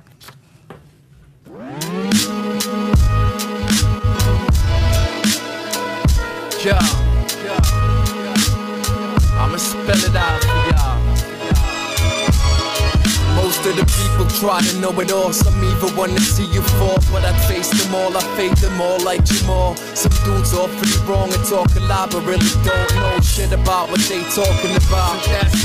It's like the shit's hereditary, man. We can't wash it off, and by the time we realize we're wrong, we'll be already lost. I mean, what happened to the mystery of life? See, we're dwelling out of sight because we try to know it all right. It's a lost fight already, what's the point? Besides, we never satisfied with what we got in store, so whatever happens next, it won't change a thing. This mind frame is inborn and has to be changed from within. Whatever happens next, it won't change a damn thing. We can't swim in the current shit stream, we in, fuck it. We all stuck up in the system we be working for, but that same system's trying to break us off, get it? We all got questions, so we all look for answers. Wanna understand it. Now what's holding us back? It's the way that we act. Now what's holding us back? It's the way that we act. And it's like that. We all got questions, so we all look for answers. We all misdirected, but don't wanna understand it. Now what's holding us back? It's the way that we act.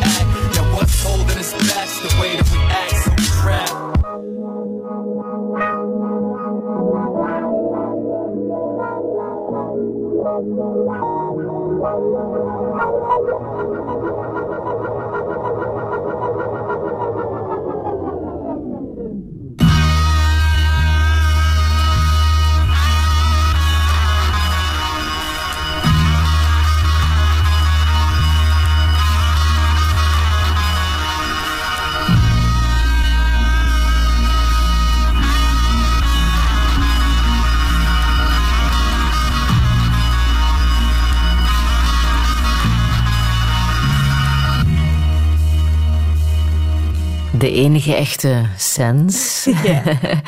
Dalila Hermans. We hebben even moeten zoeken naar een nummer, want het is niet gemakkelijk hè, om een nummer van jouw man te vinden. Nee, hij heeft, vroeger een groepje, ehm, eh, samen met nog een andere maat en een DJ. En daar, die hebben twee albums uitgebracht, maar hij is zelf al heel lang bezig aan zijn soloalbum.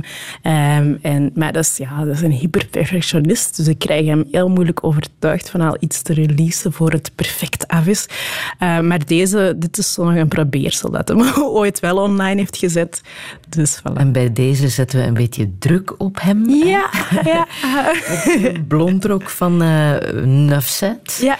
Daar is hij uh, actief mee bezig. Wat, wat is Nufset precies? Ah, Nufset was zijn, uh, zijn groep. Dus dat was hij en nog een, een van zijn beste maten, zijn twee rappers. Um, en een DJ. En die hebben goh, in ik denk in 2010 een tweede album uitgebracht. Maar tegelijkertijd was er dus een, uh, een comedy-initiatief uh, dat ook die naam uh, wilde hebben. En hebben dan contact opgenomen van ja, mogen wij die naam ook gebruiken? Dus sindsdien is er altijd veel verwarring. maar nee, zijn groepje staat eigenlijk los van... Um, van uh, de comedyavond. Maar ze, ze, zijn elkaar allemaal wel genegen. Hè? Dus, uh, ja. Het klopt wel. Ja, want Nafzet komt van uh, Nina Simone, dacht ik. Ah, is dat zo? Dat wist ik zelfs ja. en Nafzet, ja, ik, ik wil dat wel geloven. Ja, jullie hebben ook een beetje dezelfde strijd die jullie aan het voeren zijn, dacht ik. Hè? Ja, ja, ja. ja. een beetje wel. Ja. En het is ook echt wel doordat jij destijds terug bent gegaan naar Rwanda, dat ja. je aan dit leven met hem en met kinderen Ja. bent kunnen beginnen. Hè? Ja. Uh, waarom was die, die reis naar Rwanda uh, een vijftal jaar geleden zo belangrijk voor jou? Uh, ik ben in 2011 teruggegaan voor de eerste keer met mijn, uh, met mijn moeder en mijn, mijn adoptiemoeder. Ik vind dat een vervelend woord, met mij als mama. Um, en ik heb die reis voorbereid met mijn biologische moeder. En dat was zo, dat aan zich was al een heel, um, de cirkel is rond uh, gegeven of zo. Um, ik ben daar een paar weken geweest met ons mama en dat was voor mij echt een heel... Um, ik ben daar heel rustig geworden. Ik ben daar geland en ik had zoiets van, ik ben hier thuis. Ik heb daar antwoorden gevonden op alle vragen die ik eventueel nog zou hebben buiten dan dat ik, dat ik min, het graf van mijn vader niet heb gevonden. Maar voor de rest heb ik daar met ontzettend veel mensen kunnen praten die dat mij kenden als baby, wat ik dat tot dan toe zelden had meegemaakt. Uh, ik... En zoals wat? wat? Wat wou je echt nog te weten komen daar? Uh, wel, ik heb... Um, ik kende dus mijn biologische moeder en ik heb, ik heb van haar heel het verhaal gehoord van hoe het kwam dat wij uh, geadopteerd zijn. Maar dat is natuurlijk iets, ik had daar geen bewijzen van. Dat is iets dat zij mij heeft verteld, waarin dat zij ook als de grote heldin uh, uit dat verhaal kwam. En Twijfelde je aan de ik waarheid? Heb daar, ja, ik heb daar heel lang aan getwijfeld. Omdat ik dacht van, het, het lijkt een beetje te mooi om waar te zijn dat dat zo is gegaan.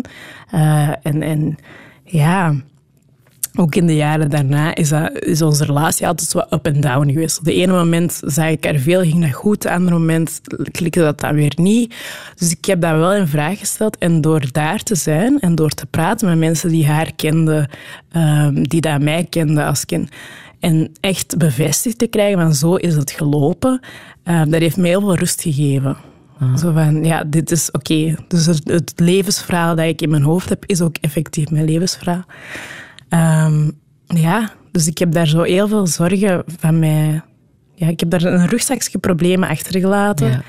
En uh, ja, teruggekomen. En eh, ik had dan ook nog wel een lief, of ja, zo een, een lastige relatie dat ik, dat ik nog moest beëindigen, dat ook pas lukte nadat ik in Rwanda was geweest of zo. En dan ja, iets later, als ik Willem leerde kennen, dat was echt liefde op het eerste gezicht. En dan, ik stond er ook voor open, ik was er ook klaar voor. Ja. En hoe anders was het dan ook bij hem om aan die relatie te beginnen? Ah, ik ben er met mijn, mijn heel open hart aan begonnen. Van. Ik voelde aan alles, dit is hem, dit is de man van me. Hier wil ik mee verder. Dat was tijdens onze eerste date duidelijk. En ik heb dat op geen enkele manier tegengehouden. Ik ben daar niet rationeel over geweest. Ik heb niet gedacht van oei, misschien gaat het toch wat sneller. Nee, ik, ben, ik heb gewoon mijn gevoel helemaal gevolgd. En ja, bijna zes jaar later en drie kinderen verder en een trouwring en, en een huis, blijkt dat toch de juiste beslissing te zijn geweest. En als je terugkijkt naar de relaties die je daarvoor hebt gehad, heb je daar dingen meegemaakt die niet goed zaten? Die, uh... Goh, ik heb, ik heb leuke... Ik heb heel altijd toffe mannen. Hè? Ik bedoel, ik heb, maar ik heb wel... Uh, ik denk niet dat ik ooit iemand dicht genoeg heb laten komen. Ik heb, nooit, ik heb dat, zodat mijn hele hart openstellen en er gewoon vergaan, heb ik eigenlijk nooit met niemand gedaan. Mm. Terwijl ik wel lange, eh, twee jaar samen en drie jaar samen. Maar ja, dat was altijd met een... Er zat altijd een soort van muur rond mij die dat die dat je niet echt zag. Want ik ben iemand die dat heel gemakkelijk babbelt en die heel open lijkt. Maar er was toch... Er is toch van alles geweest dat ik altijd van binnen heb gehouden of zo. En bij Willem heb ik dat niet gedaan. En je voelt ook dat, uh, dat het niet altijd evident was om bij families geïntroduceerd te worden? Ah ja, ja ik, ja, tuurlijk. Eh, het is mij gelukkig niet vaak overkomen, maar ik heb wel eens een vriendje gehad uh, van wie de ouders niet zo, niet zo blij waren dat hij een, eh, een Afrikaanse vriendin had. En ik weet nog wel dat ik heb een van mijn beste vrienden nog altijd, is, is ook mijn ex-lief. Um, en die ouders waren ja, super ja, normaal. Hè? En ik weet nog dat als mama daar heel blij om was. Dat die echt zo opgelucht was dat die ouders mij aanvaarden. En ik, ik was daar dan weer heel kwaad om, want ik had zoiets van, hoe aanvaarden? Uh, dus dat is wel zoiets waar ook, ook op dat vlak af en toe speelde. Mm. Uh, mijn kleur of mijn, uh, mijn afkomst. Maar bij Willem is dat, nooit, is dat echt nooit, een, een, dat is zelfs geen issue geweest. Mm. Heb je er ook bij stilgestaan wat er had kunnen gebeuren als jouw biologische moeder uh, jullie niet op het vliegtuig had gezet? dan waren wij hier nu niet meer. Dat is echt uh, iets wat ik 100% zeker weet. Dat is ook achteraf. Zijn er zelfs bewijzen van gevonden? Want er zijn zo dodenlijsten opgesteld voor de genocide, waar de, haar naam en die van mij en mijn zus op stonden. Dus um, dat is heel klaar en duidelijk. Als wij niet waren geadopteerd en daar waren gebleven, waren wij sowieso vermoord. Dus... Ah. Hoe gaat het nu in Rwanda? Um, ik vind dat een heel moeilijk uh, iets om in te schatten, want er, er zijn heel veel uh, tegenstrijdige meningen over. Maar ik kan alleen maar vertellen wat ik heb gezien. Ik ben in 2011 um, ehm, een paar weken geweest en in 2014 uh, twee maanden. En ja, dat land is, is op heel veel vlakken, heeft dat heel grote stappen gezet. Dat is daar prachtig en echt proper. En dat is het Zwitserland van Afrika. Um, er is ontzettend veel ook aan het gebeuren. Het is het land met de meeste vrouwen in de politiek van de wereld. Um, er zijn heel veel ecologische projecten aan de gang. Um, daar hebben ze al lang de plastic zakjes verbannen. Allee, het zijn zo'n dingen je, wat ik natuurlijk zie, die dat ik super positief vind. Dat ik denk van, mij, hoe dat... dat van een gruwelijke genocide is kunnen groeien tot dit is fantastisch. Maar er zijn natuurlijk ook heel veel andere verhalen uh, over ja, uh, dat er geen persvrijheid is, dat er heel veel uh, mensen onterecht in de gevangenis zitten. Dus ik, ik, kan er geen uitspraak over doen, omdat ik niet... Ik, heb, ik kan alleen maar zeggen wat ik heb gezien. En wat ik heb gezien is een, een land in opbloei. Dat, ja. ja dat grote stappen zet. Ja. Toerisme, is dat al in, in uh, volle ontwikkeling? Er is nog heel veel uh, schrik. Hè. Mensen, als je denkt uh, Rwanda, dan denk je genocide. Dat is nog heel vaak zo. Maar um, heel veel mensen uit de diaspora, dus mensen die daar gevlucht zijn destijds, zijn nu terug aan het gaan. Dus er zijn heel veel Amerikanen en, en met Rwandese roots die dat daar um, terug aan het investeren zijn. Dus ja, ik denk wel dat dat, dat, dat kan gebeuren in de toekomst, zodat dat toerisme wordt opgekrikt. Mm -hmm. Vertel je veel over Rwanda tegen jouw kinderen? Zijn ze daar al nieuwsgierig naar? Uh, ja, Cooper is mee geweest. Dus die is daar geweest als die, als die anderhalf was. Die was mee die twee maanden. Uh, en hij weet dat ook nog altijd. Uh, dus hij babbelt daar nog over. Maar de meisjes, ja, die zijn ook nog heel klein. ik hoop gewoon binnenkort nog eens terug te kunnen gaan met hen.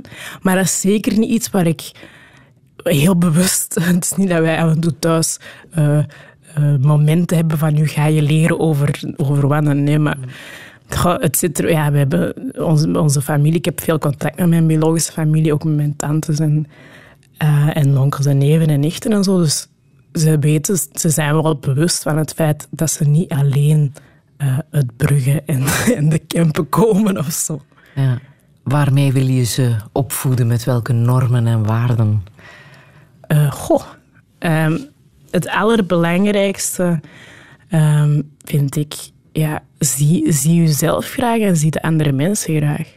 Ik denk als je daar al mee begint, van um, zorg dat je, dat je weet wie dat je bent en, en, en wees daar nooit beschaamd om. Of, of eh, zie, zie jezelf graag Zij, en, en probeer dat uit te dragen naar andere mensen ook. Hè. Wees open, wees respectvol. Uh, uh, ik denk als ik dat al goed geïnstalleerd krijg, dan, dan, dan ben ik al half gewonnen. Ja, al de rest vloeit daaruit voort, denk ik. Is geloof een gespreksonderwerp bij jullie? Um, uh, dat is iets... Goh, met, de, met de kinderen, ja, die zijn er echt die zijn nog heel klein. Uh, ik ben zelf, ja... Um, ik ben denk ik eerder een agnost. Ik heb, ik heb zoiets van, ik weet het niet.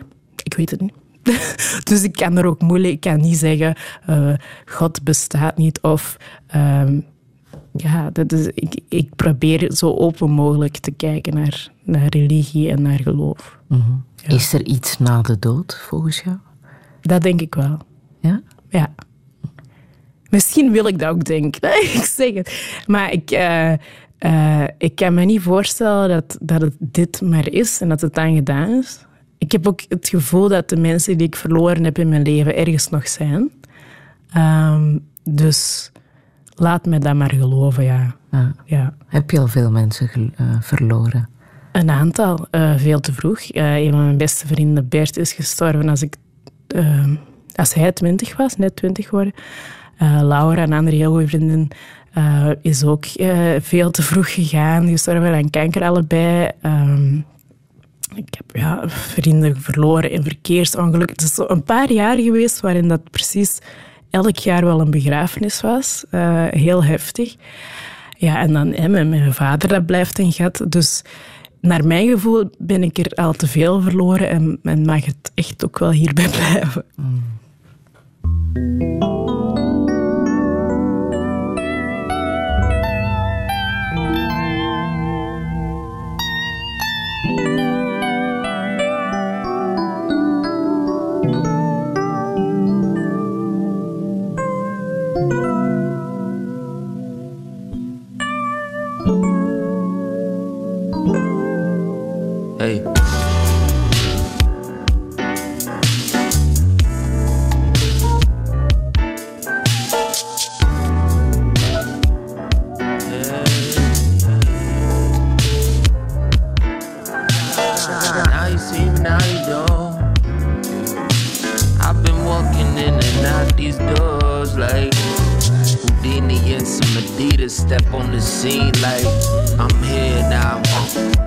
be the light. I'm supposed to tell you about the color red. Fine, show you how my heart bled. Yeah. So I'm supposed to paint all these hues sky been switching up on me. I don't need enough. That bitch blue. My mind went from that lush bloom. Got stuck soon in that gray cell. Brain cells all dried up. Got riled up when the rain fell. I went searching, went searching. Train surfing, that train the rail. Felt the grip of the grim reaper. I'm telling you, she got pain and nails. Trying to tell you what I seen. Walking the ceilings of these rooms full of one-eyed kings. She in the corner, mad fly like a bucket of the wings. I'ma keep it elusive, keep it moving. Fuck did you think? Mm. Now you see me, now you don't.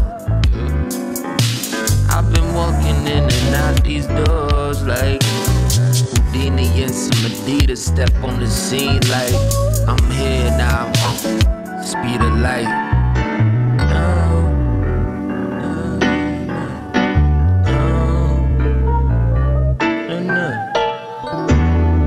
No such thing as half-read books. Ain't no time for half-stepping, that's a bad look.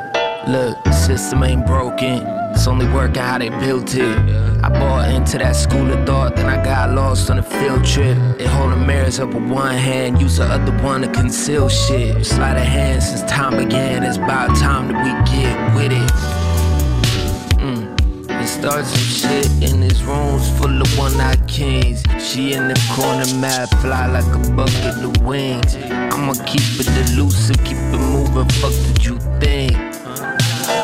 Now you see me, now you don't. I've been falling in and out these doors like, like, like speed of light. Now You See Me van Ivan F. Eh, Dalila Hermans, wat moeten we hierover weten? Ehm, goh, dat is een, een Noorse rapper. ehm, en mijn man is echt mega fan eh, op het ambetante af. Ik kan, ik kan echt nimmer met hem in de auto zitten en naar iets anders luisteren. Ehm, dus ja, hij heeft dat zo door mijn strot geramd dat ik intussen ook wel fan ben geworden. We hebben hem ook ontmoet. Het is een heel sympathieke kerel. Dus ik dacht, als ik dan toch op de radio kom en ik heb de kans om hem te laten horen. Voilà. Het is ook goed, hè? Ja, ik vind het ook goed. Ja, dat is, dat is. Eh, je bent eh 31 nu, hè? Ja. ja. Wat zou je echt nog willen in het leven? ik heb het gevoel dat ik al heel veel heb. dus ik, nou, goh, wat wil ik in het leven? Ik zou willen dat mijn kinderen gewoon heel gelukkig worden. Dat is een beetje mijn, mijn, mijn ja, daarvoor doe het allemaal. Dus dat zou leuk zijn. En als het kan, zou ik met mijn man de wereld nog wel willen zien. Ja. Reizen. Ja. Vanaf dat die jong de deur uit zijn, dan, dan trekken we op pad. Ze mochten ook heel snel komen, hè, die drie. Ja, die, ja ehm, ik, we waren ehm, nog geen vijf maanden samen als ik zwanger was van Cooper. Eh, en heel veel mensen denken dat dat een accidentje was, maar dat is echt niet. Dat was echt zoiets van, kom, we gaan ervoor. Een kind zou kei tof zijn. Wel even verschoten toen ik ook effectief zwanger was, maar oké. Eh, en ja, dan, dat, dat is allemaal heel natuurlijk gegaan. Dat, de- de- ja, na Cooper had ik al heel snel zoiets van, oké, een tweede kind mag wel. Eh, Willem wilde er heel graag drie.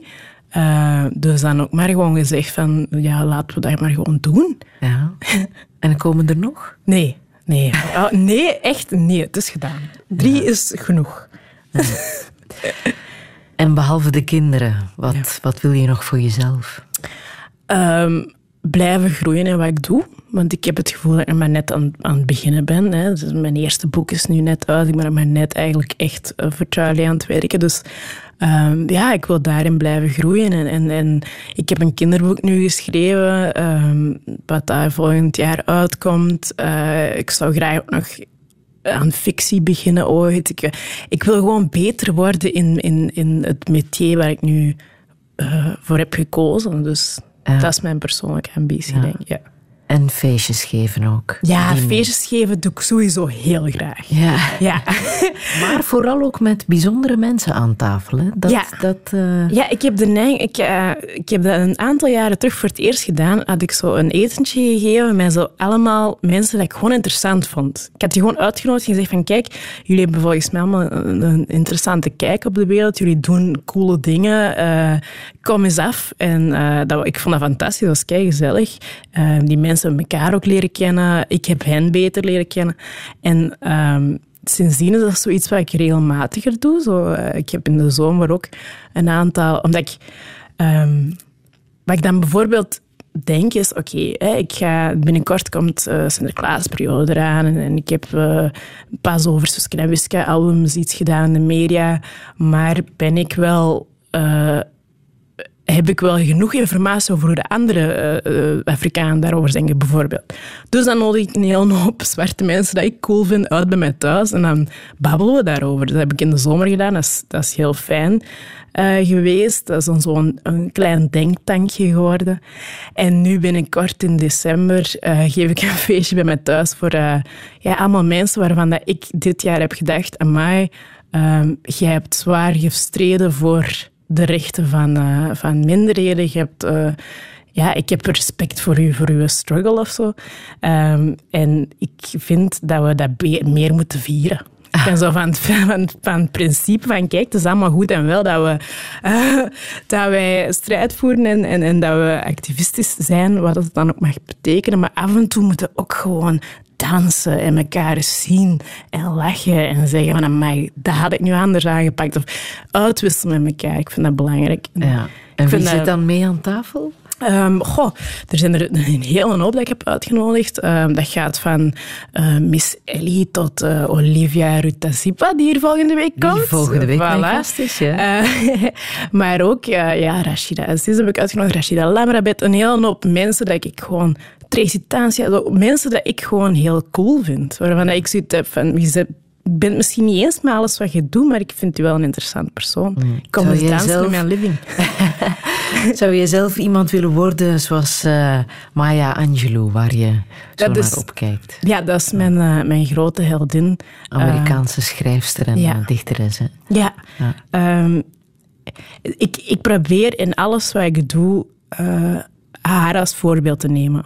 En zij heeft ehm, op een heel ehm, militante, activistische manier vaak, heeft zij eh, gestreden voor de rechten van, van, van, vrouwen, van, eh, van armen, van zwarte. Van, hè, dus altijd opgekomen tegen onrecht, maar heeft dat gedaan met ontzettend veel compassie, met ontzettend veel empathie.